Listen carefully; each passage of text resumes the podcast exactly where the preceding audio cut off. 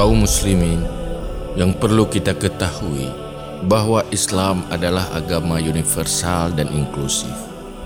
Dan ini jelas kita ketahui di saat para ulama menafsirkan hukum Islam dengan khitabullah yata'allaku bi af'alil mukallafin.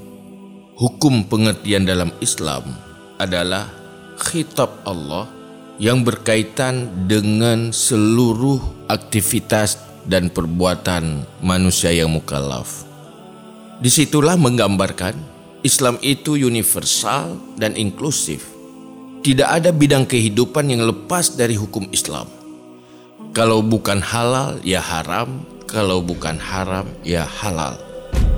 Sehingga kita tahu dalam Al-Quran Allah berfirman Wa ma khalaqtul jinna wal insa illa liya'budun. Tidak aku ciptakan jin dan manusia kecuali untuk beribadah. Di situ menggambarkan bahwa dengan kata-kata hanya untuk beribadah, gambarannya bahwa seluruh kehidupan manusia diperintahkan selalu memperhambakan diri kepada Allah. Jangan ada hal-hal yang merubah kehidupannya untuk memperhambakan diri kepada selain Allah. Oleh karena itu, orang yang tahu Islam dalam ukuran yang memadai pasti tahu bahwa tidak ada sesuatu bidang kehidupan yang bisa dilepaskan dari nilai-nilai agama.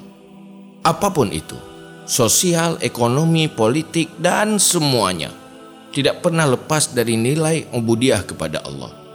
Maka di dalam Al-Quran para ulama menafsirkan dan menerjemahkan semuanya di dalam bentuk ilmu pengetahuan untuk supaya kita mampu menjadikan kehidupan ini sebagai ibadah dan memperhambakan diri kepada Allah di dalam segala bidang kehidupan di saat kita mampu mengintegrasikan tiga hal ke dalam bidang apa pun kehidupan yang kita jalani.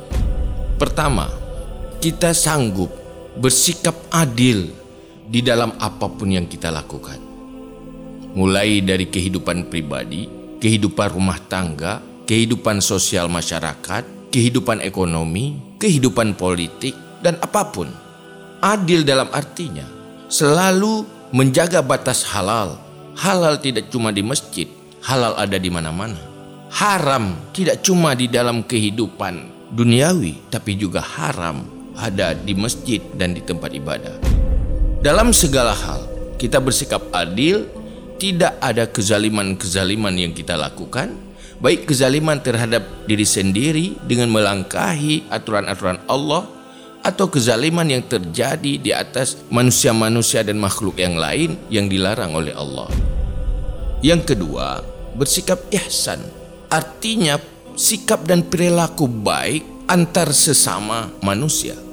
Ini adalah hal yang menguntungkan orang beriman, di mana di dalam bersikap ihsan, Allah memberikan nilai amal dan fala yang cukup besar, tetapi Allah tidak mendosakan orang yang tidak melakukannya, hanya sebagai jalur mencari keuntungan semata. Bagaimana berlaku dan berperilaku ihsan di dalam segala bidang kehidupan kita?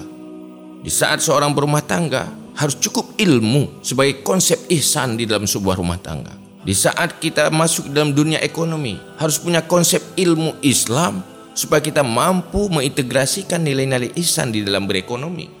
Juga di dalam sosial kemasyarakatan, juga di dalam bermacam bentuk interaksi antar sesama manusia, politik dan kekuasaan. Bagaimana kita melakukan ihsan di sana?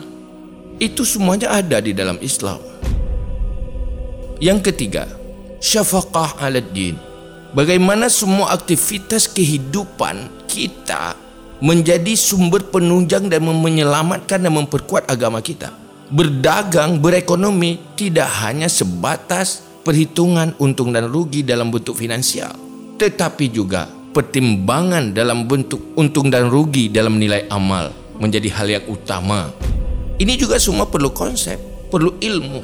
Maka dalam Islam, di dalam aktivitas muslimin selalu diperintahkan tidak cuma pengetahuan untuk melahirkan skill dan profesionalitas dalam bentuk keuntungan-keuntungan duniawi semata, tetapi di samping dari itu harus punya ilmu pengetahuan yang mampu mengintegrasikan nilai-nilai amal di dalam segala bidang kehidupan. Maka Islam itu bukanlah sebuah terjemah bagaimana beribadah berhubungan kepada Sang Pencipta semata, tetapi di dalam hubungan antar sesama manusia, kita melakukan kebaikan dalam rangka memperhambakan diri kepada Allah Subhanahu wa taala. Inilah hal yang perlu yang membuat seluruh kehidupan ini menjadi nilai ibadah.